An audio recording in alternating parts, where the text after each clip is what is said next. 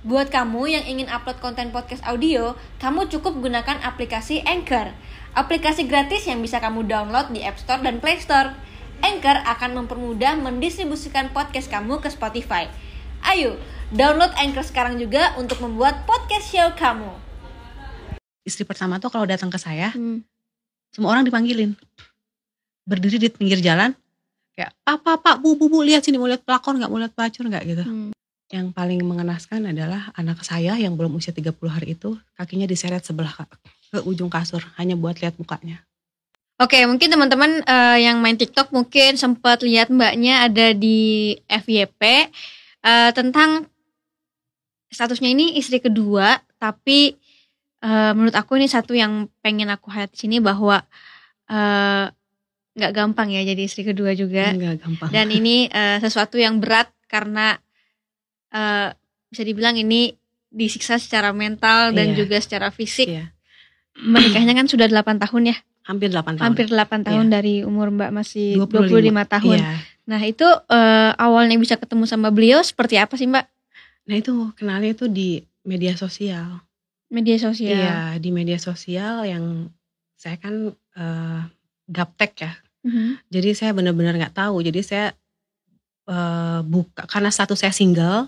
Jadi saya bikin apa buka aplikasi perjodohan itu pun dibikinin orang gitu, Mhm. bukan punya saya. Jadi saya pikir semua yang ada di situ itu memang single gitu. Jadi saya benar-benar nggak tahu. Benar-benar nggak tahu. Jadi Benar-benar nggak tahu. mencoba mencari jodoh dari situ dan Iya. menganggap bahwa semuanya single. Iya. Itu kebodohan mungkin Oke. Terus kemudian bertemulah sama suami Mbak ini. bertemu. Jadi eh, dia yang langsung datang ke rumah. Langsung hari pertama, maksudnya langsung datang ke rumah. Biasanya kan orang kalau ketemu di luar dulu. Iya, iya. Itu enggak. Karena saya nggak tahu banyak tempat, nggak pernah nongkrong-nongkrong gitu. Jadi memang pertama kali ketemu itu dia datang ke rumah diantar sama temannya waktu itu. Terus eh, langsung jalan. Setelah itu ya dari situ dia tiap hari datang. Dia tiap hari datang ke rumah dengan jarak yang lumayan ya karena kita beda kota. Jadi saya benar-benar nggak ada pikiran sama sekali karena kalau datang ke rumah pun bisa pagi siang sore waktunya fleksibel sekali gitu.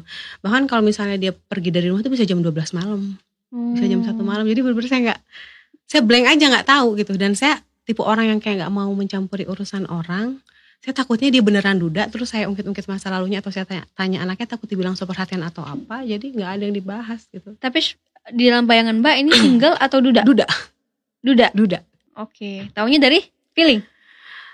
Eh, entah waktu pas di aplikasi itu kan suka ada statusnya Oh, mungkin oke. ya Ha-ha. saya sih lupa-lupa ingat cuman yang pokoknya secara globalnya saya menganggap bahwa semua yang ikut aplikasi itu single, Single lah.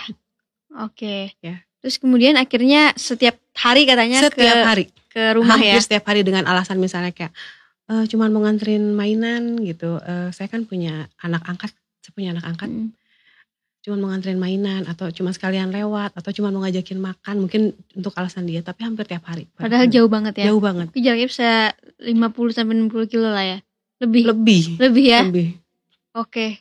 ngeliatin Cikarang Bekasi banyak ke- Kemudian jauh-jauh. kemudian kemudian ya udah pas udah eh, hampir tiap hari dekat gitu kan udah ngerasa dekat banget emang orangnya bikin nyaman dan karena kan 10 tahun lebih 10 tahun lebih tua. Iya. Oke. saya selama kenal laki-laki belum pernah apa jauh gitu ya maksudnya. Mhm. Jadi saya ngerasa eh nyaman kali ya ngerasa. Nah di situ baru ada pertanyaan dari saya yang ta- tadinya cuma nanya kayak karena saya menganggap dia duda, jadi saya nanya suka ketemu anak atau enggak kayak gitu. Akhirnya dia bilang ya di situ kebongkar, sempat Hmm. kaget sih. Nah di situ saya udah mulai kayak ya udah deh berarti harus di-cut gitu. Karena saya juga saya sadar diri sebagai perempuan kita akan kebawa perasaan gitu. Saya nggak mau ada di ada di situ gitu. Tapi di situ dia malah menceritakan kenapa dia apa mencari sosok yang lain kayak gitu. Jadi kata dia istilahnya gini, saya nggak ketemu kamu pun saya memang lagi cari perempuan gitu. Apalagi saya kan eh, dari keluarga itu keluarga ibu saya itu kan keluarga pendidik ya. Mm. Eh, kita orang sederhana tapi kita sangat menjaga kebaikan lah kayak gitu ya. Jadi ibu saya tuh selalu bilang kayak eh, karena waktu itu saya single, jadi saya selalu diingat-ingat sama ibu saya. Kamu boleh menikah dengan siapa pun, pekerjaannya apa pun, asal tidak suami orang titik. Dan itu saya sampaikan kepada dia. Tapi ya di situlah dia mulai menceritakan semuanya yang akhirnya saya berpikir untuk ya oke lah aku coba tapi aku coba pun kayak bukan buat nikah serius sebenarnya jadi kayak dia menceritakan bahwa dia pernah berhubungan dengan beberapa perempuan tapi kan bisa putus gitu jadi karena saya sudah terlanjur dekat saya hanya berpikir bahwa oh ya oke lah aku nggak pacaran aja tapi aku halal gitu. Hmm. tapi tujuan masa depanku untuk rumah tanggaku nanti bukan dia. Ketika aku menemukan dia anggap aja pacaran putus. Itu mungkin saya nggak tahu bodoh atau gimana ya tapi memang jujur itu yang saya alamin. Kayak saya cuma ngejaga pacaran halal deh tapi kalau gue putus boleh dong putus gitu. Oke, tapi eh, apa nih yang bikin eh, Mbak tuh tertarik sama suami waktu itu? Awal ketemu Heeh. yang aku bilang itu tadi karena mungkin usianya lebih muda eh lebih, Lebih tua. tua, maaf Hmm. lebih tua jadi setiap kali ketemu itu dari cara bahasanya itu kan dewasa banget pembawaannya terus nger, apa yang ngertiin banget pokoknya dewasa banget lah dewasa banget kayak perfect gitu Contoh. kayak kalau saya baru nih ya kayak Hmm. baru ketemu kayak kayak halo sayang gitu kayak kayak ngomongnya tuh kayak lembut banget gitu kayak nggak ngerti deh saya pokoknya pokoknya baik banget lah Oke. Kan kalau eh, tadi kan bilang pacaran halal berarti nikah siri ya. nah iya dikasih deh jadi Nah, itu kan tapi kan sebenarnya statusnya tetap suami orang kan.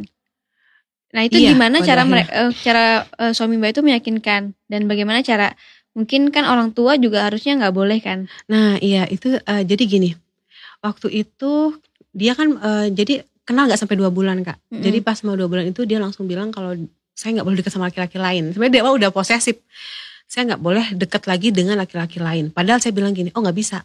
Karena sekarang saya sudah tahu kamu punya istri. Saya ini memang mencari eh, yang serius saya bilang gitu. Jadi saya mau mencari yang terbaik saya bilang gitu. Tapi dia tetap kasih saya kesempatan sebentar saja. Itu mungkin cara bahasanya itu yang aneh buat saya agak langka. Eh, kasih saya kesempatan sebentar saja untuk membuktikan eh, apa dan memberikan yang terbaik. Tapi saya tidak boleh ada laki-laki lain ketika saya di ketika ketika eh, kamu anggap saya tidak memenuhi kriteria eh, maka barulah kamu boleh apa mencari laki-laki lain. Tapi tolong ketika saya ada jangan ada laki-laki lain yang dekat dulu. Sebentar aja dia bilang kayak gitu. Dan memang selama itu ya itu tadi mungkin kayak tiap hari datang perhatiannya dan lain sebagainya itu nggak kebayar deh. Kayak kita ngebayangin tiap hari dia datang PP aja kan sampai pulang tengah malam bahkan saya diajak cuman dia datang ke sana cuman ngejemput saya untuk ikut ke tempat kerjanya. Hmm. itu dianterin lagi pulang itu kayak mungkin kalau laki-laki kan kayak udah capek lah atau males kan gak apalagi kan kayak gitulah. Itu susah sih. Nah terus waktu itu dia bilang dia mau eh, ternyata nggak lama gitu dia bilang dia mau nikah. Terus saya bilang kayak gini ya nggak bisa. Ibu saya akan nolak saya bilang gitu. Terus eh, dia bilang kayak gini saya yang akan datang langsung ke orang tua kamu. Itu aja kan bikin kita gimana ya Eh, akhirnya saya bilang oh ya udah silahkan aja datang. Karena saya yakin itu nggak akan diterima gitu. Hmm. Eh, akhirnya keesokan harinya itu beneran dia datang. Dia cuma minta kayak bilang sama orang tuamu kalau saya mau bicara. Akhirnya orang tua saya nunggu datang dan dia datang. Di situ saya nggak nggak ikut ngobrol kak. Jadi saya langsung masuk kamar. Hmm. karena saya tahu akan terjadi kegaduhan ibu saya akan merasa kayak apa sih kayak ya nggak bisa kayak terhina Iya. atau apa gitu lah Tapi ibu tahu eh, statusnya kan ya? awalnya enggak Awalnya makanya enggak. pas kejadian itu Hmm. suami bilang eh suami bilang eh, saya minta waktu orang tua kamu hari ini setelah zuhur saya mau bicara nah ternyata beberapa menit kemudian eh bener aja ibu saya langsung masuk ke kamar Hmm. nangis nangis terus eh ya bilang apa nggak bisa gitu kan tapi terus, terus saya bilang saya kan ngerasa salah ya maksudnya tapi terus saya bilang saya pura-pura bego gitu saya bilang eh kenapa bu? Saya bilang iya eh, diceritain iya dia mau nikahin teteh tapi dia punya istri ya nggak bisa lah nggak bisa. Itu udah prinsip dari nenek ibu tuh nggak bisa gitu kan. Terus saya bilang gini ya udah ibu bilang aja nggak bisa. Aku bilang gitu. Karena saya sebenarnya pengen nolak tapi kan Nggak bisa. secara langsung susah kan. Selalu ada cara. Jadi saya pikir kalau orang tua saya yang nolak selesai gitu. Terus ibu saya bilang bapak yang terima. Loh. itu saya kaget kan lo kok bisa? Bilang, ya makanya ibu tuh gini gini gini. Pokoknya akhirnya di situ agak saya bingung kan saya bingung saya diam akhirnya bapak saya masuk kamar bapak saya bilang dengerin dulu katanya. Tidak ada bapak yang ingin menjerumuskan anaknya gitu kan katanya. Eh, dia sudah tiap hari bersama udah datang tiap hari terus udah pergi bareng gitu kan. Terus emang mau terjadi apa apa kata bapak saya. Alasannya ke ibu saya nggak tahu sih almarhum sekarang bapak sudah nggak ada eh, dan lagian kan si laki-laki ini datang dengan kayak pangeran berkuda gitu maksudnya gentle banget kan gitu dan meyakinkan bapak saya bahwa tidak akan terjadi sesuatu gitu jadi memang Maksudnya terjadi sesuatu tuh Ya, dari istri pertama. Iya, mungkin seperti itu. Dan ya mungkin memang seakan-akan hanya ingin menjaga hubungan halalnya aja mungkin. Mungkin itu yang diyakinkan saya juga nggak tahu karena saya tidak ada di situ kan waktu bapak dan dia bicara gitu. Tapi waktu itu ibu saya tetap nggak terima. Akhirnya bapak bilang, udahlah kan nanti apa kan ini cuma nikah siri. Jadi saya sama seperti bodohnya saya berpikir bahwa kirain saya nikah siri itu kayak kalau udah putus ya putus aja gitu, tinggalin aja udah selesai gitu. Ya saya cuma diem. Terus akhirnya kita dipaksa ikut ke depan. Diobongin lagi sampai bapak saya ultimatum nih laki-laki kayak bener ini tidak akan jadi sesuatu dan memang hanya untuk menjaga apa hubungan aja biar nggak biar tidak terjadi fitnah atau tidak jadi perjinahan mungkin orang tua dulu seperti itu mungkin mikirnya. Tapi kan kayak mendingan di selesaiin aja hari itu kan. Gak usah gak usah diterima. seharusnya. Makanya saya bingung kenapa bapak saya begitu. Ibu saya pun bingung. Ibu saya dan saya bahkan saya yang yakin kayak ya lu datang aja. Kan rasain pasti juga ditolak gitu kan. Ternyata diterima. Adik saya juga perempuan dulu sebelum menikah resmi memang dinikahin siri dulu. Jadi di keluarga kita tuh nggak boleh pacaran lama-lama gitu. Takut jadi dinikahin siri dulu kayak gitu mungkin itu prinsip keluarga yang memang jarang ya tapi itu memang terjadi di keluarga saya kayak gitu Ya nggak apa-apa sih. Cuman kayak mendingan suruh putus aja gitu kan. harusnya kalau saya pikir sekarang kan jadi nggak akan sepanjang ini Ah, ah, ah. tapi saya juga bisa menyesali karena niat bapak Iya. saya pasti baik Nah, sebenarnya terus- kan untuk menjaga anaknya Oke, berarti setelah itu akhirnya Mbak mau menikah sama dia iya nggak lama karena ayah juga dong berarti ya. iya Oke. Oh, tapi kan ini sebenarnya walaupun orang tua bisa dibilang ayah udah merestui ya, bisa dibilang. Mm. Tapi kan mungkin dalam hati Mbak juga ada keraguan lah ya, karena kan udah pasti nih istri kedua gitu. pada waktu itu saya masih pikirannya masih enteng gitu ngentengin sesuatu jadi saya masih pikir ah yaudah nikah siri ini ntar juga kalau aku udah nggak mau atau aku nemuin laki-laki lain yang emang benar serius jadi suami aku ya udah aku putus aja apalagi dia punya istri kan pasti dia nggak nggak akan ngeberatin aku gitu loh saya berpikir seperti itu Oke. Sebelumnya belum pernah ketemu sama istri pertamanya juga? Sebel waktu pas masih berpikiran seperti itu ya Mhm. belum poligami Hmm. belum pernah Oke, berarti Mbak nggak berpikir bahwa itu poligami? nggak awalnya nggak Berarti itu tahun berapa sorry yang nikah sirinya? 2014 2014. Mm. Oke, di 2014 akhirnya menikah. nikah tapi ya saya yang saya bilang tadi saya ngentengin itu kayak saya anggap pacaran aja gitu yang bisa Oke. putus kapan aja tanpa harus ke pengadilan saya berpikirnya seperti itu Oke. Nah, terus kemudian akhirnya menikah eh, belum ketemu juga sama istri pertama atau ada iming-iming dari suami bahwa istri pertama nggak akan kenapa-napa? Eh, salah justru sebenarnya kan suami itu menceritakan ke saya dia dari awal pernikahannya tidak nyaman dengan istrinya Oke. mungkin mbak Grita pernah dengar perselingkuhan. Jadi saya pernah punya prinsip dalam hidup bahwa tidak ada satupun laki-laki yang setia. Cuman levelnya aja yang beda-beda kali ya. Jadi saya menerapkan itu di dalam pikiran. Tapi ketika saya mendengarkan suami saya ini waktu itu bercerita lim, kasarnya gini 10 tahun menikah 10 tahun selingkuh atau 12 tahun menikah 12 tahun selingkuh itu kan aneh. Jadi setiap tahun pasti selingkuh. bukan setiap tahun sel sepanjang tahun. Sepanjang tahun. Mm-mm, selama pernikahan itu. Jadi di situ saya berpikir kayak berarti kan kamu sebenarnya dari awal nggak nyaman tapi kamu maksain gitu. Tapi nggak ada yang dinikahin siri juga. Ada. Jadi saya kedua kali dinikahin siri. Yang itu udah Selesai semua. selesai semua baru menikah atau gimana? Ah, maksudnya baru menikah dengan saya? Iya. Sudah selesai semua. Oh, sudah semua baru menikah sama Mbak. Tapi jaraknya nggak pernah lama. Jaraknya nggak pernah. Karena lama. dia bilang saya tidak pernah bisa hidup dengan istri saya saja.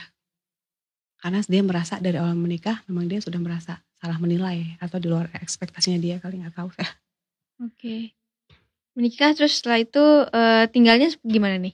Nah waktu itu kan saya sebenarnya kan usaha sendiri ya. Mm. Jadi saya punya salon sama laundry dulu. Mm. Saya tinggal sama tiga orang yang kerja di rumah. Jadi setelah menikah ya saya harus stop total. Saya dibawa ke satu tempat dekat dia bekerja, masih Jakarta. Udah semua barang-barang salon dijual, laundry saya dialihkan ke adik saya. Pokoknya saya stop jadi ibu rumah tangga total nggak nggak boleh ngapa-ngapain.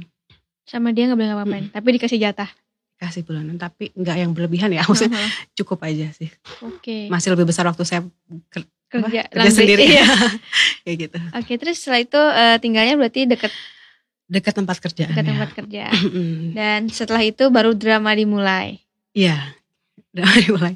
Jadi satu tahun menikah di situ saya sudah mulai nggak nyaman nih. Oh iya bukan bukan aku banget nih gitu kan.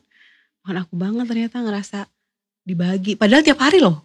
Jadi bukan bukan yang datang seminggu sekali, bukan Mhm. seminggu dua kali, tapi tiap hari. Karena dia kan wira swasta, jadi waktunya sangat fleksibel. Saya bilang bisa Mhm. pagi, siang, sore datang dan itu tiap hari. Cuman tidurnya nggak di Mbak? Setengah malam. Oke. Jadi bisa, ya itu tadi saya bilang bisa jam 1 atau jam 2 kadang-kadang gitu. Kayak gitu. Tapi em, paling yang agak susah hari Minggu aja. Hari Oke. libur kan ya, Heeh. kayak gitu. Nah lama-lama saya sudah mulai kayak, aduh bukan deh, bukan saya nggak bisa. Ya udah deh saya mutusin untuk udah. Hmm.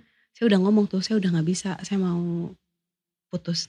Di situ dia nahan-nahan terus kan, nahan-nahan terus sampai eh, menurut saya sih dia ekstrim juga ya. Jadi dia pernah, jadi sampai ketahuannya itu saya waktu itu di WA pertama kali Hmm. dengan langsung dengan kata-kata kasar.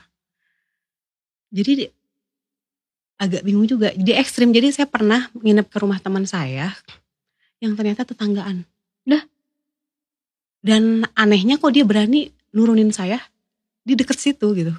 Dia nggak berpikir ada tetangganya atau yang lihat atau pas anaknya lewat atau pas dan itu dia bohong sama saya bilangnya itu rumah kakaknya. Hah? Tuh. Oh berarti dia juga bohong soal di mana dia tinggal Mbak juga Iya, pernah tahu ya? nggak tahu dan ya pada saat itu kan dia juga sebenarnya berkali-kali bilang sebenarnya dia mau cerai sama istrinya Heeh. gitu. Dengan cerita yang dia bilang dia berkali-kali selingkuh, jadi saya memang kayak ada percaya bahwa dia mungkin endingnya pasti emang mau cerai kali ya gitu. Cuman dia belum nemuin orang yang tepat kayak gitu. Bukan saya ngarepin yang nggak baik ya, Mhm. tapi kan dua-duanya tersakiti nggak sih? Karena Iya, si iya. istri pertamanya juga selama si hubungan ini tuh sama yang lain tahu, Oh. tahu kalau si suaminya tuh nggak setia. Udah, istilahnya udah didatengin berkali-kali ini beberapa perempuan ini tahu. Oke. Jadi kalau kita secara manusia normal kan kayaknya cerai lebih baik gak sih? Iya Buat seharusnya. lakinya dan buat perempuannya juga. Biar nggak gitu. saling menyakiti Nah, juga dan hidup iya. bisa masing-masing juga. Jadi pada saat itu saya berpikir bukan jahat untuk supaya mereka cerai enggak, tapi supaya dua-duanya mendapatkan kehidupan yang sama-sama bahagia gitu loh. Saya berpikir seperti itu. Pemikiran yang salah. saya Oke tahu. terus pertama dilabraknya via WhatsApp nih gimana nih? Ya ngeluarin kata-kata kotor lah, kata-kata kasar dan lain sebagainya. Di situ saya udah langsung kasihin ke suami. Oh saya nggak bisa, saya nggak pernah diperlakukan seperti ini. Ya maaf maaf aja di keluarga ibu saya tuh kayak ke adik ngomong nama aja udah kasar kan sih. Mhm. apalagi bilang eluh gitu nggak nggak bisa lah gitu maksudnya ini saya dikata-katain kasar baru pertama kali saya di situ udah kayak ngedon nggak nggak mau saya bilang nggak saya nggak mau tapi dia tetap berbagai macam cara lah berbagai macam cara yang sampai endingnya mungkin dia kehabisan cara untuk mempertahankan saya barulah dimulai dengan diajak hijrah gitu kan Oh jadi di, per- di pertengahan nah di menikah baru diajak diajak hijrah, hijrah. ke agama kan kayak Oke. saya awalnya ketemu kan misalnya saya nggak berhijab nih Mhm. saya biasa aja nih saya masih berpikir ah nikah siri ini kalau misalnya udah nggak mau saya tinggalin aja udah selesai Hmm. masih ada pemikiran begitu tapi kalau udah hijrah ngomongin agama itu ternyata memang mempersulit Dan di, dan di itu di 2017 ya, yang Eh, hampir-hampir hijrah, 2000 2017. enggak emang 2017 Heeh. jadi setelah ada anak pertama Oke. jadi setelah pelabrakan pertama Mm-mm. setelah setelah dilabrak, terus kemudian akhirnya mau pisah juga nggak bisa, Ya, akhirnya karena- dia pakai pakai hijrah. nah pakai hijrah karena yang awal tadi saya bilang saya diomongin kasar aja nggak pernah Mhm. gitu nah pas pertama kali didatengin itu itu saya pertama kali ditampar pipi kiri saya saya masih ingat Didatengin ke rumah. Iya, itu pintu ditendang apa semua ya. Eh, terus pipi saya ditampar empat kali, saya diem. Saya belum pernah ribut sama orang soalnya. Shock banget dong itu Dan pasti. itu kak, itu habis sesar kak. ah. Belum 30 hari. Saya ngebayangin perut saya takut. Takut gitu pertama pengalaman sesar itu takut. Belum 30 hari. Sedangkan apa itu kan tinggi gede ya badannya maksudnya. Terus eh, nampar saya empat kali saya diem. Yang paling mengenaskan adalah anak saya yang belum usia 30 hari itu kakinya diseret sebelah ke ujung kasur hanya buat lihat mukanya. Mungkin pengen yakinin kali itu anaknya suaminya atau bukan gitu. Suami Mbak nggak ada di situ. Ada. Yang saya lihat di situ adalah suami saya dipukulin sampai bibir atasnya sobek berdarah. Saya juga berusaha berkali-kali ditendang. Untungnya pada saat itu ada tetangga taksi hidup yang sampai sekarang masih ada orangnya. Cuma sekarang udah di Sulawesi. Itu dia marahin. Hmm. Jadi si istri pertamanya itu dimarahin gitu. Bahkan dia udah bawa balok dia mau mecahin mobil semua. Hmm. Cuman sama tetangga saya supaya aman kali. Ini mobil saya jangan dirusakin. Suami saya tentara, kamu keluar dari sini kalau enggak jadi diusir gitu. Kayak gitu. Di situ saya tambah sok lagi kan kayak udah deh saya nggak kuat, saya nggak mau, saya baru diperlakukan seperti ini kayak gitu kan. Tapi uh, si suami di situ bilangnya enggak, saya milih kamu, saya emang mau cerai sama dia. Jangan cerai karena saya, dia akan benci sama saya. Tapi dia bilang sebelum ada kamu yang tahu sifat itu saya. Saya mau cerai sama dia dari dulu ayo kita pindah ke Jogja, kita hijrah ke Jogja. Itu hijrahnya pindah bukan hijrah mm -hmm. ke mhm. agama dulu nih. Waktu itu sih saya nggak bisa apa-apa ya dia mau cerita ke orang tua malu mm -hmm. gitu kan terus udah ada anak juga kan ya udah tapi ternyata semua itu nggak terjadi dan ujung-ujungnya malah ya itu akhirnya usia anak saya tiga bulan barulah diajak hijrah jadi di alasannya gini saya dari dulu nyuruh suami istri saya pakai kerudung nggak mau rasanya diajak hijrah nggak mau uh, jadi saya memang sedang mencari perempuan yang benar-benar mau hidup benar sama saya. Makanya ayo kita belajar agama di situlah. Akhirnya tapi saya, sudah uh, waktu itu juga belum kan dia bilang mau cerai tapi nggak cerai-cerai. Nggak cerai-cerai itu kan uh, jaraknya, ya nggak cerai-cerai bahkan sampai detik ini. Kenapa waktu itu dia nggak cerai-cerai kan padahal tapi dia udah ngomong terus mau cerai, mau iya, cerai, iya, mau iya. cerai. Iya. Alasannya macam-macam karena ngomong mau cerainya bukan baru sekali dua kali, uh -uh. macam-macam. Ada yang bilang istrinya nggak mau cerai, ada yang bilang masih berat ternyata masih berat ada yang bilang sama ibunya ternyata nggak boleh cerai ada yang bilang anaknya uh, ngancem mau kabur kalau sampai cerai banyak banyak jadi nggak cerai-cerai nggak cerai-cerai berarti itu janji manis bisa dibilang ya nah iya Oke di tahun 2017 kan akhirnya uh, hijrah. Hijrah. Di situ saya berhijab, mm. saya di ngajiin tuh. Mm. Saya dibawa ke salah satu majelis taklim yang terkenal lah kalau di ini ya. Ya udah di situ beneran hijrah sih kayak aku pakai hijab terus kita kayak nggak ketinggalan sholat kita jalan ke mana pun waktunya sholat kita langsung berhenti gitu mm-hmm. jadi saya percaya banget saya tuh sampai bener-bener masrahin diri kayak percaya banget hijrah saya udah bercadar waktu itu Oke. Okay. Jadi saya udah kayak menyerahkan seluruh jiwa raga saya ini cuma dilihat sama suami aja gitu. Mm -hmm. Saya sampai kayak gitu. Tapi suami juga ada perubahannya juga kan? Sampai detik ini. Sholatnya gak ketinggalan sampai detik oh, ini. Memang dari situ memang dia hijrah. Hijrah. Bahkan uh, ada temennya yang bilang sama saya, saya kaget katanya. Dulu tuh dia sholat aja gak pernah, puasa aja gak pernah. Tiba-tiba dia jadi seseorang yang agamis, bahkan yang sampai anak buahnya itu kayak disuruh tiap malam Jumat ngaji bersama hmm. kayak gitu terus jadi suka sodako katanya hmm. gitu mungkin kalau yang bisa lihat positifnya teman dekatnya tuh bilang sama saya seperti itu dan istrinya pun semenjak itu ikut jadi berhijab Oke, berarti berhijab bareng-bareng dong ya? Jadi pada saat itu saya berpikir memang oh ini bener lah karena Allah gitu maksudnya emang mau hijrah gitu ya. Jadi saya juga niatnya baik pada saat itu. Saya berpikiran baik pada saat itu. Walaupun saya tahu dia pernah nampar saya, jadi yang saya doain tiap hari istrinya supaya luluh baik-baik sama saya. Oke, okay. kan tadi bilang di 2017 akhirnya disahkan sebagai poligami. Iya.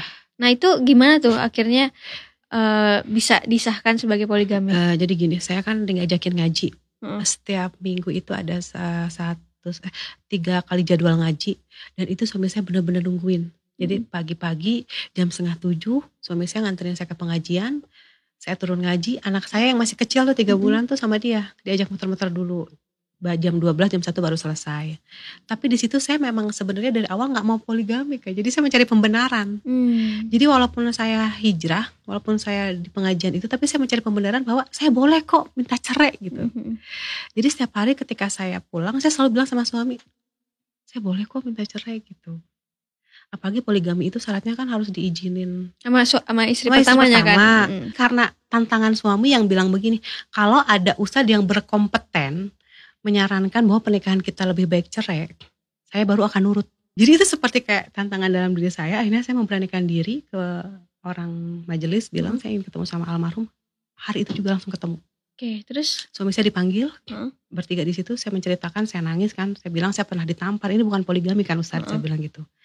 Jadi saya pengen Ustadz jadi saksi dan menjadi bahan pengertian pada suami saya bahwa poligami tidak seperti ini, ini salah dan saya berhak untuk meminta cerai gitu. Ternyata uh, di situ suami saya kan melas-melas tuh. Hmm. Sampai kayak berkaca-kaca kayak oh, saya tuh sayang banget sama dia, saya janji akan berubah.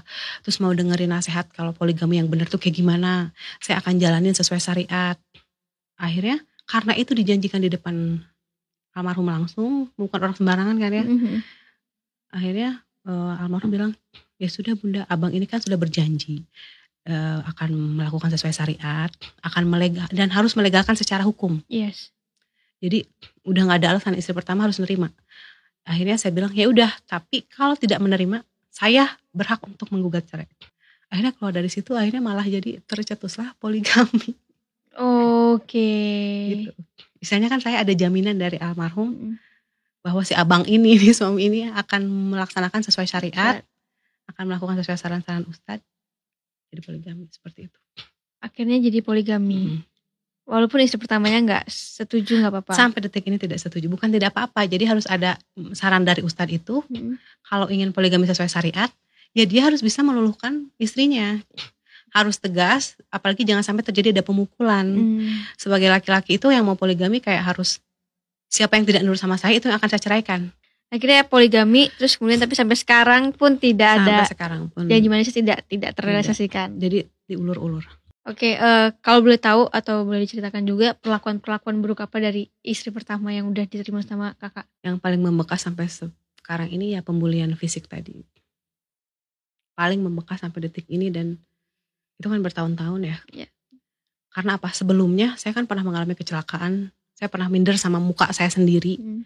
Saya pernah ketabrak mobil sampai 13 jahitan dua kali operasi di sini waktu itu saya masih buka salon jadi Hmm. waktu itu pun saya ngerasa kayak masa sih buka salon tapi mukanya kayak gini Hmm, gitu masa hmm. orang salon mukanya kayak gini ini yang benar-benar ditunjuk mukanya diketawain berkali-kali terus dibilang ya umurnya muda mukanya tua terus eh, lu lihat kan muka lu sama gue sekarang kayak gimana level kita beda dan sebagainya. itu ditunjuk di muka itu itu yang itu sampai saya benci lihat diri sendiri.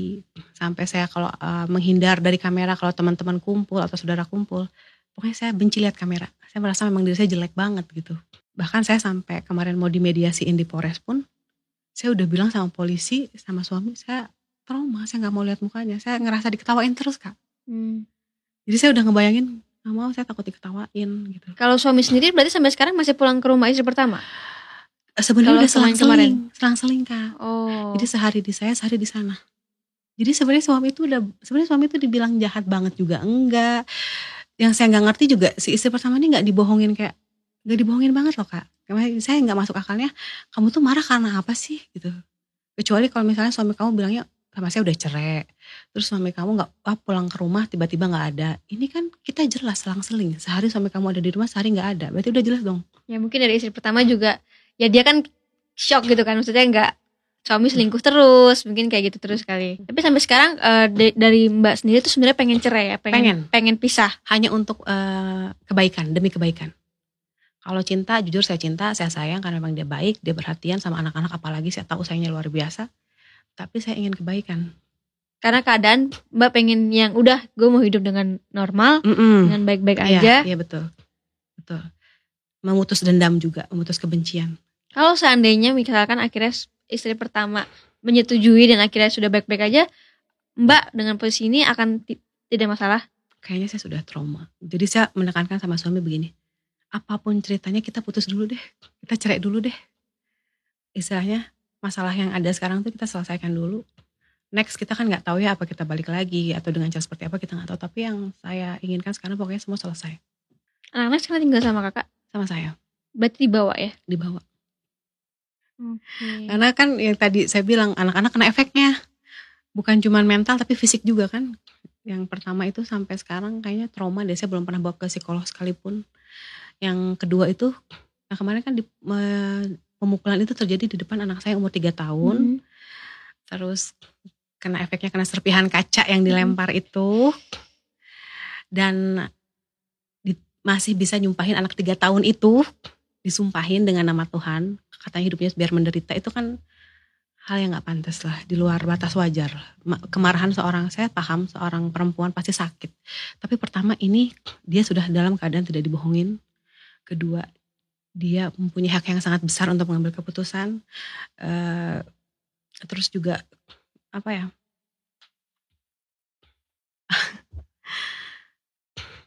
ya maksudnya ya ya pokoknya saya pengen pengen nyelamatin anak-anak saya aja deh mental anak-anak saya aja deh. Saya pernah ngumpulin RT saya pernah datengin polisi yang berpangkat. Semuanya pokoknya di depan semua orang dia bilang ya itu kan kayak kayak ngerasa kayak ini kan hak saya. Saya tidak akan pernah menceraikan dia sampai kapan pun titik udah. Bahkan kemarin di mediasi itu di depan polisi kak. Di depan istrinya itu dia bilang dia tidak mau. Istrinya gimana waktu itu? Aneh juga sih kayak mungkin kalau saya jadi dia sih saya udah lari ke mana kali ya ya diem aja malah istrinya bilang di depan forum bilang kayak gini kayak kamu kok bilang sama dia berkali-kali mau menceraikan saya tapi kok kamu sama saya nggak pernah bilang mau ceraiin dia sampai kayak gitu Oke, tapi kalau sorry aku nggak Mm-mm. tahu nih. Tapi kalau misalkan kayak eh apa nikah siri gitu atau Iya. gimana dari kakaknya kalau mau cerai itu harus suaminya yang menentukan. Jadi ternyata kata ustad kalau nikah siri itu eh, cerainya hanya ada di tangan suami jadi hanya dengan kata talak itu baru cerai gitu kalau nggak ada talak tidak tercerai sampai kapan pun Oke, berarti ini satu pelajaran juga ya. Hmm. Waktu dulu kirain tinggal Segampang tinggal itu. segampang itu tinggal tinggal Iya, aja atau cerai tinggal cerai gitu Iya. ya. Tapi ternyata semua di tangan suami. di tangan suami Berarti sekarang statusnya eh mbaknya kabur dari Iya. rumah. dan ini sudah yang kesekian kalinya. Ya mungkin nggak akan lama sih kak biasanya. Nggak nyampe nggak paling maksimal dua minggu.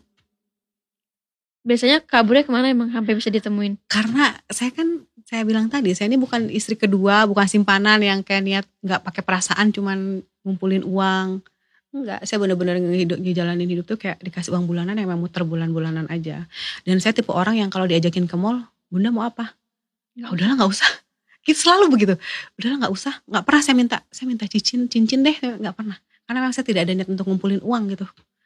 Dan tapi memang susah pada akhirnya gitu. Jadi saya kalau pergi itu kayak cuman punya uang 2 juta 3 juta. Saya pergi sedangkan harus bayar kontrakan terus susu anak-anak. Susu anak-anak saya kan dua-duanya permula. Hmm. jadi dia paham mungkin saya pergi nggak akan jauh-jauh kayak ke teman-teman atau ke Hmm. saudara.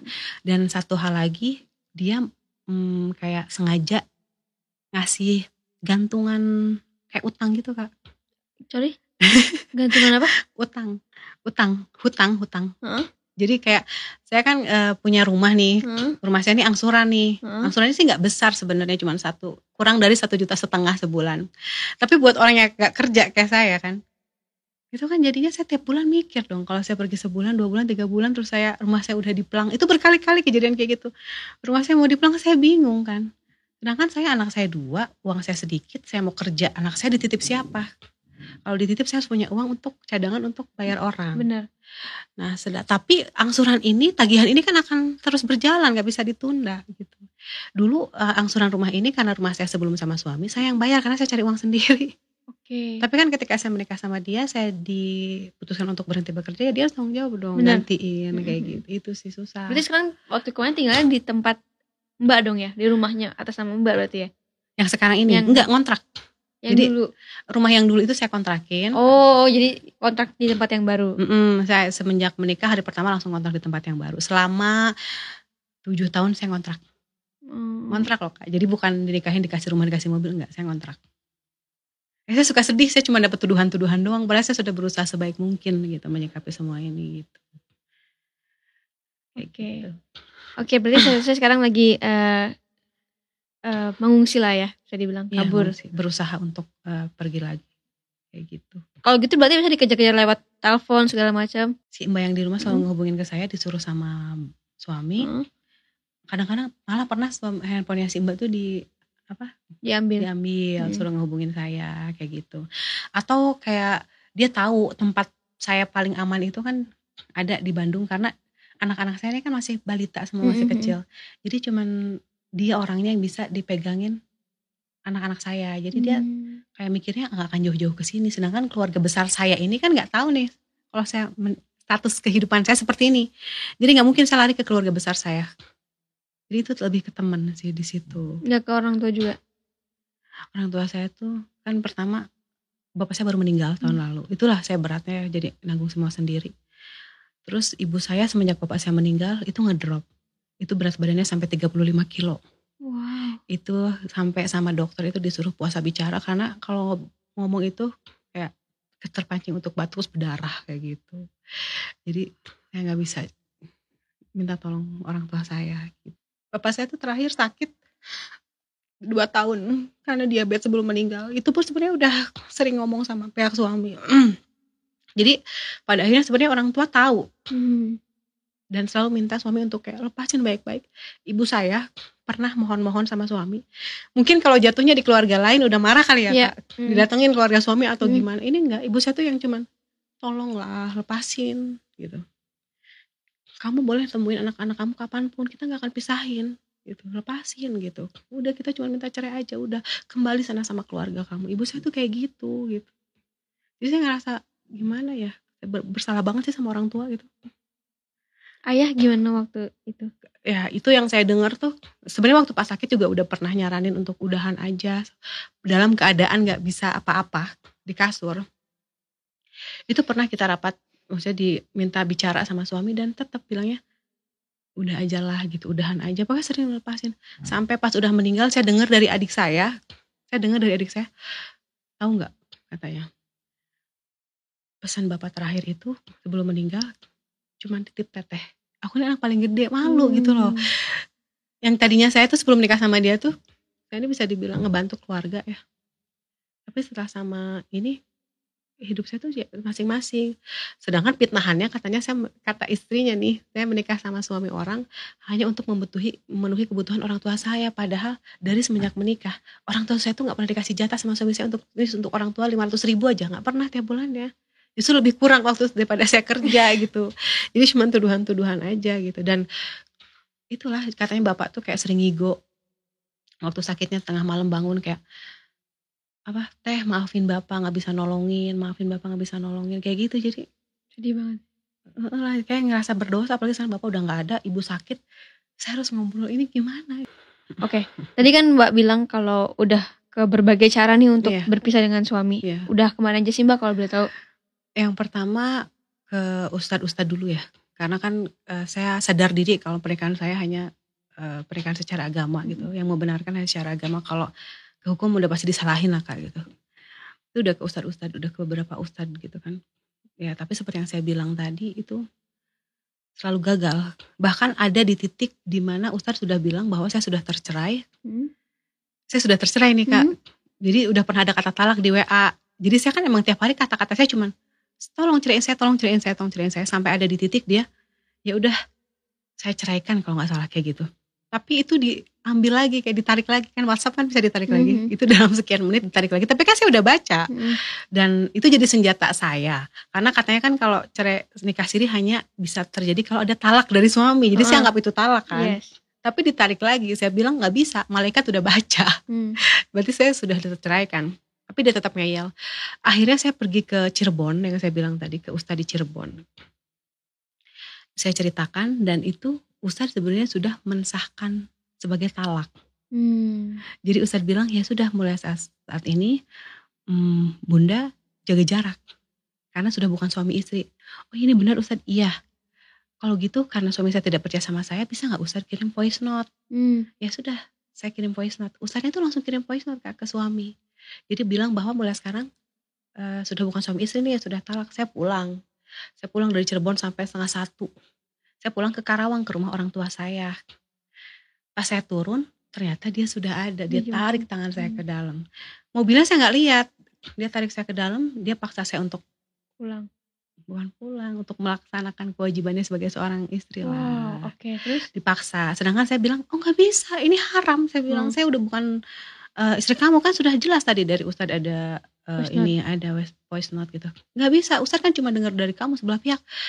Aku bilang, saya tuh nggak punya niat untuk ngejahatin kamu. Saya cerita apa adanya, nggak bisa. Besok kita ke sana. Itu besok paginya Ustadznya ditelepon Hmm. dan kita beneran pergi ke sana. Terus? Di sana ya itu tadi saya bilang dia itu orang yang gimana ya, karismatik banget kali ya Kak. Heeh. Jadi ketika ketemu sama Ustadz, Ustadz pun kayak ngerasa ya, tadi kan contohnya kayak satu kayak Iya. Ustadz almarhum itu. Hmm. Terus yang itu dia bilang, Ustadz setahu saya talak itu kalau tidak ada niat tidak sah. Hmm. Terus dia ceritakan detail kronologinya sampai Ustadz itu bilang berarti cerainya tidak sah. Itu Berarti hancur hati saya. Iya, kayak ya, saya harus masuk lagi ke dalam dunianya dia gitu kayak ya Allah Ustaz saya tolong Ustaz tolong. Tapi kan saya punya hak. Saya kan punya hak untuk menggugat cerai ya, tapi suaminya nggak mau. Di situ pun suami nangis nangis peluk saya ngerangkul kayak udahlah pokoknya saya janji akan berubah saya akan gini gini gini gini. Ya Ustaz Ustaz dia kayak tubuh dia mau berubah. Saya yakin kok dia sayang. Dia sangat begitu tanggung jawab dia sangat penyayang dan lain sebagainya. Akhirnya saya pulang lagi. Entah gagal lagi. terus ya Selain ke Ustadz udah lagi kak? saya pernah ke uh, pelindungan perempuan dan anak tapi belum ada panggilan untuk mediasi saya sudah mendatangi beberapa LBH ditolak Kalau boleh tahu tadi juga sempat cerita bahwa mediasi sama eh, suami sama diancam. uh, bukan oh, mediasi sama pengancaman itu beda Hmm. jadi uh, suami itu punya kekuatan karena talak itu di tangan suami maka saya tidak bisa pergi ke mana pun. Hmm. saya pergi ke mana pun statusnya saya masih istrinya dia. Jadi secara agama saya berdosa apalagi menikah lagi saya berzina jangankan menikah lagi saya dekat duduk dengan laki-laki lain itu katanya sih halal darahnya untuk dia. Bisa dia tembak bisa dia bunuh pokoknya halal darahnya untuk dia gitu. Oh. karena itu eh, menurut dia suatu perjinahan kayak gitu. Jadi kan saya takut kak. Mhm. saya mau kerja saya nekat kerja misalnya eh, pergi ke yang deket-deket aja deh misal ke Bandung gitu kan. Terus saya nekat kerja anak saya titipin ke teman saya tadi. Terus tiba-tiba dia nemuin saya terus tiba-tiba dia ngacauin ngacak-ngacak. Karena saya tahu dia orang seperti apa. Menurut dia itu halal untuk di nah apa karena dia merasa dirinya bener. Kayak gitu. Oke. Tapi pernah dapet kekerasan dari suami juga? secara tidak sengaja iya. Karena terus terang saya juga jadi berubah kepribadian saya jadi kehilangan jati diri saya menjadi perempuan yang pemarah emosi kasar karena saya bingung meluapkannya Benar. ke mana. Jadi ketika saya ya kayak kesel ini kenapa sih saya mukul? Akhirnya dia nahan apa apa kayak gitu. Itu paling kayak gitu. Tapi kalau kekerasan di sini sih lebih ke kayak maksain untuk melayani dia aja sih.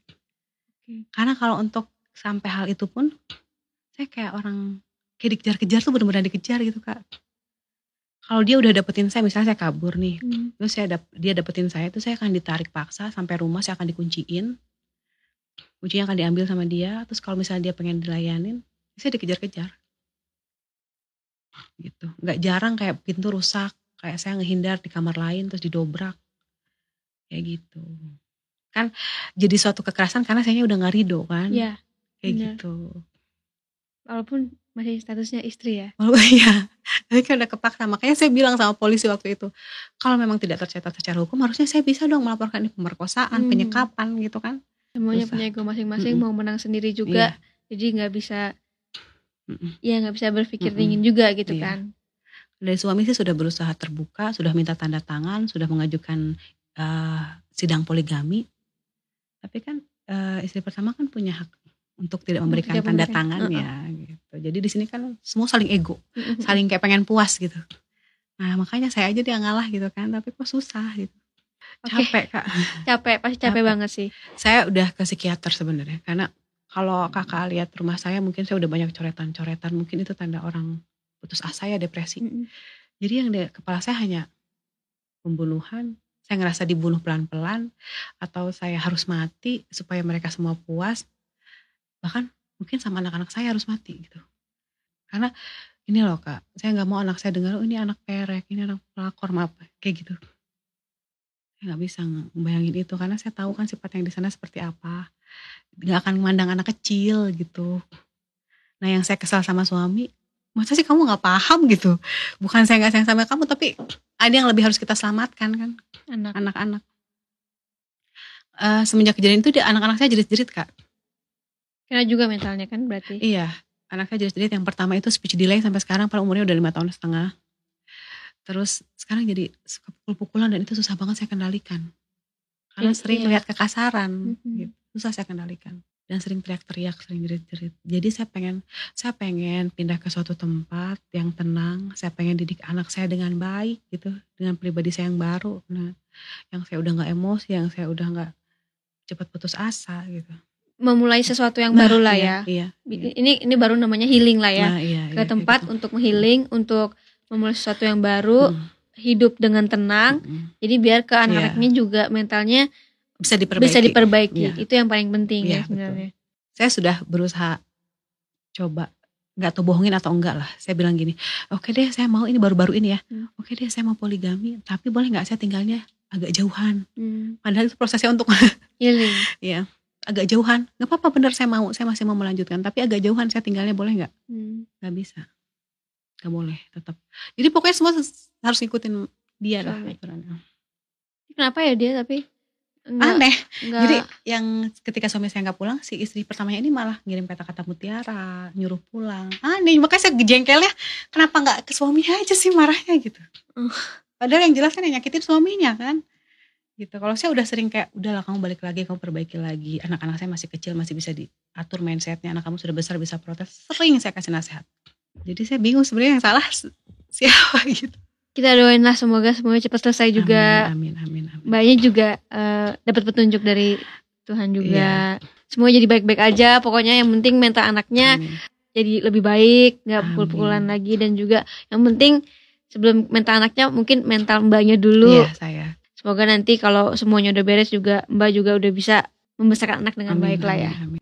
Eh, itu tadilah saya ingin menekankan di sini sih sebenarnya lebih ke apa mental anak-anak saya dan keadilan secara hukum yang lagi saya jalanin sekarang ini Sekarang lagi jalan hukum berarti. lagi jalan hukum. Jadi setelah pelaporan, jadi yang saya pengen angkat sebenarnya ini. Hmm.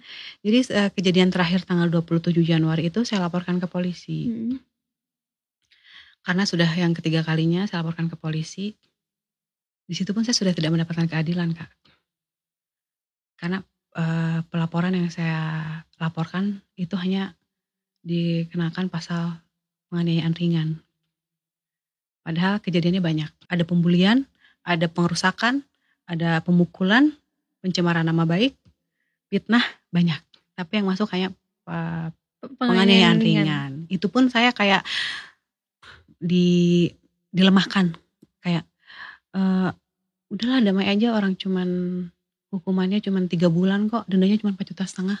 Padahal yang saya selamatkan di sini adalah mental anak-anak saya. Karena sesuatu itu ada anak-anak saya.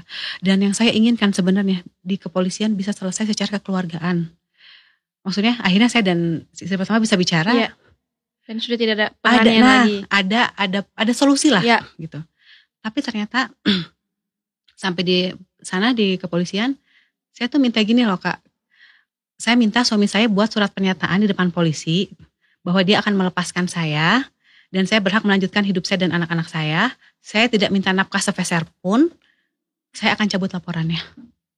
Tapi tidak bisa. di depan polisi suami bilang tidak mau. Sudah dirayu sampai ke atasannya pun kita pindah ruangan tetap tidak mau. Oke udah selesai itu. Saya juga ngerasa di apa diserang lagi apa ah, saksi yang saya hadirkan kak. Jadi saksi itu kan saya harus mendatangkan dua saksi. Saksi saya ini pengen selalu berusaha di jalan yang lurus gitu. Hmm. saksi yang saya panggil eh, pertama itu tetangga saya yang melihat kejadian karena memang semua kan dipanggilin kak. Semua tetangga tuh dipanggilin. Jadi istri pertama tuh kalau datang ke saya Hmm. semua orang dipanggilin. Berdiri di pinggir jalan kayak pak pak? Bu bu bu lihat sini mau lihat pelakor nggak? Mau lihat pelacur nggak? Gitu. Hmm. nah di situ saksi yang saya ambil satu lagi adalah orang yang menahan dia untuk memukul saya. Hmm. artinya dia melihat secara langsung pemukulan itu. Sedihnya saya saya kayak ngerasa dituduh terus gitu. Katanya tidak ada pemukulan. Oh dari saksinya pun? Dari saksinya pun tidak yang saya pemukulan. pilih tadinya berusaha untuk seadil mungkin saya pilih dari pihak dia salah satu saksinya itu bilangnya tidak ada pemukulan oke saya abaikan karena saya punya bukti visum dan saya punya pu- bukti video lengkap. Terakhir pemeriksaan terlapor sendiri itu katanya tidak ada pemukulan bahkan tidak masuk rumah sama sekali kak. Padahal di videonya tadi di ada videonya masuk sangat rumah. jelas bahkan sempat duduk segala kan Mm-mm. ya gitu. Itu setelah kejadian itu saya sudah bilang sama polisi pak berarti ini memang sudah tidak mau damai. Oh nggak bisa bu kita mediasi aja gitu akhirnya mediasi. Mediasi itu saya suami dia dan dia bawa kakaknya. Hmm. saya waktu itu ditemenin pengacara kak. Tapi pengacara ini dari teman-temannya jadi gratis lah gitu ya. Dia cuma ngedampingin saya pada saat itu. Mungkin kalau saya nggak bawa pengacara saya nggak tahu lah mediasi akan jadi seperti apa. Jadi di meja mediasi itu kak sehari sebelum mediasi mediasi hari Jumat malam Jumat itu suami udah nunjukin dukungannya ke saya Hmm. karena suami tidur di tempat saya singkat cerita kita duduk mediasi di situ dia begini kak "Oh, tidak Saya tidak pernah mukul kamu. Saksinya ada, buktinya ada. Saya punya videonya kalau saya tidak mukul kamu. Bahkan dia masih ngetawain muka saya kak. Hei itu muka lu, muka lu. Kayak gitu. Padahal itu yang saya takut-takutkan sebelum saya datang ke Polres untuk Mhm. mediasi. Rasa trauma saya gitu, dibully seperti itu. Dan itu terjadi di depan polisi. Jadi harusnya nggak ada mediasi. Mediasi itu kan kalau memang si terlapor mau damai sama saya, mau mengakui kesalahannya kayak gitu. Ini sudah dia mukul, dia nggak ngaku, dia masih ngebully saya di depan polisi. Bahkan dibuat surat pernyataan diselesaikan secara kekeluargaan yang saya yakin itu kayak dipaksakan. Mhm. Karena pihak kedua berniat untuk meminta maaf eh, dan menyadari kehilapannya lah kayak Hmm. gitu. Terus di situ memang dia ngomong, ya udah saya minta maaf. Hmm. Tapi, Tapi- di luar baru keluar dari ruangan itu kan disuruh foto kak. Suami saya tuh sebenarnya posisinya mau foto di sebelah saya, Hmm. Ditarik. sama nggak ditarik sama polisi disuruh pindah ke sebelah dia. Maksud saya kenapa sih nggak bisa nyimak artinya semua itu gitu? Bahkan pas pulang juga si suami nungguin saya, cuma saya ngumpet, Hmm. saya nggak mau. Di situ disuruh salaman, dia yang marah-marah kayak dia bilang nggak usah katanya sambil jalan dia bilang nggak usah. Jadi kenapa sih gitu? Padahal saya berharap bukan mau menjarain dia loh. Saya berharap kita damai di situ. Dan damai di situ bukan berarti kamu harus nerima saya jadi madu kamu sebagai poligami. Enggak, ayo kita selesaikan gitu. Suruh suamimu ceraikan saya. Nah di situ di surat perjanjian damai itu saya minta suami saya harus talak saya di situ dan saya harus diceraikan pada saat itu. Itu dua-duanya nomor 4 sama nomor 7 dicoret sama suami saya. Dia tidak mau tanda tangan. Itu di depan istrinya, di depan pengacara, di depan kakaknya. Jadi, nah sekarang saya mm, mungkin dia pikir waktu tanda tangan udah dicabut kali kak perkaranya. Jadi dia bisa ngetawain saya lagi, dia bisa semena-mena lagi sama saya. Padahal itu cuma saya hold. Saya nggak cabut. Oh berarti masih Masih berjalan. masih berjalan karena syaratnya saya hanya akan mencabut laporan itu kalau ada surat akte cerai dari pengadilan keluar Iya. gitu. Tapi ternyata kan nggak mau. Dan setelah hari itu pun suami tetap pulangnya ke saya. Setelah mediasi itu, padahal saya udah tutup komunikasi, saya udah blok. Hmm. Saya pulang malamnya tetap pulang ke saya. Nah itulah saya juga menitipkan pesan di sini kepada perempuan semua gitu. Rugi loh rugi pokoknya rugi jadi eh, istri kedua apalagi nggak legal rugi. Ya kita sama-sama berdoa lah ya biar Iya, eh, mbaknya juga diberikan kekuatan yang luar biasa karena ini eh, berat banget. berat banget. Eh, mungkin terjebak dalam situasi yang gak seharusnya di situ gitu kan. Ya semoga dengan eh, ini udah sharing-sharing juga semoga Iya, bisa iya, lebih meredakan juga Amin, amin. dan mungkin bisa dapat bantuan ya setelah setelah Amin, mungkin ada amin. orang yang nonton podcast ini Amin, dan iya, akhirnya bisa sih. bisa bantu mbak juga untuk keluar dari Mas- lingkaran iya, setan iya, ini Lingkaran setan betul. lingkaran setan Iya. ini dan semoga semuanya nantinya akan sesuai dengan harapan mbak Amin, amin, amin. dan mungkin juga ini sebagai eh, pelajaran juga ya kita Iya, sebagai perempuan iya, betul. yang jadi yang kedua itu udah pasti dirugikan nggak Mm-mm, enak mm-mm. dan selalu mungkin bisa dibilang perempuan yang disalahkan Nah, terus ya disalahkan, iya. ya kan padahal kita juga sebenarnya berat juga gitu ini ada Mm. satu kesaksian bahwa eh, nggak gampang dan Nggak gampang. dan berat banget gitu Berat kan banget. untuk untuk pisah aja tuh mau pisah aja tuh susah banget Susah. gitu kan anyway thank you banget udah sharing di sini. banyak, semoga eh, abis ini masalah cepet selesai Amin, amin, amin. bisa hidup dengan kembali normal Amin, dan amin. eh, anak-anaknya juga mentalnya di Bisa pulihkan. Iya, juga. amin, ya amin. thank you teman-teman. Nonton sampai habis ya. Makasih ya. Jangan lupa follow instagram aku di sini dan nonton video lainnya di sini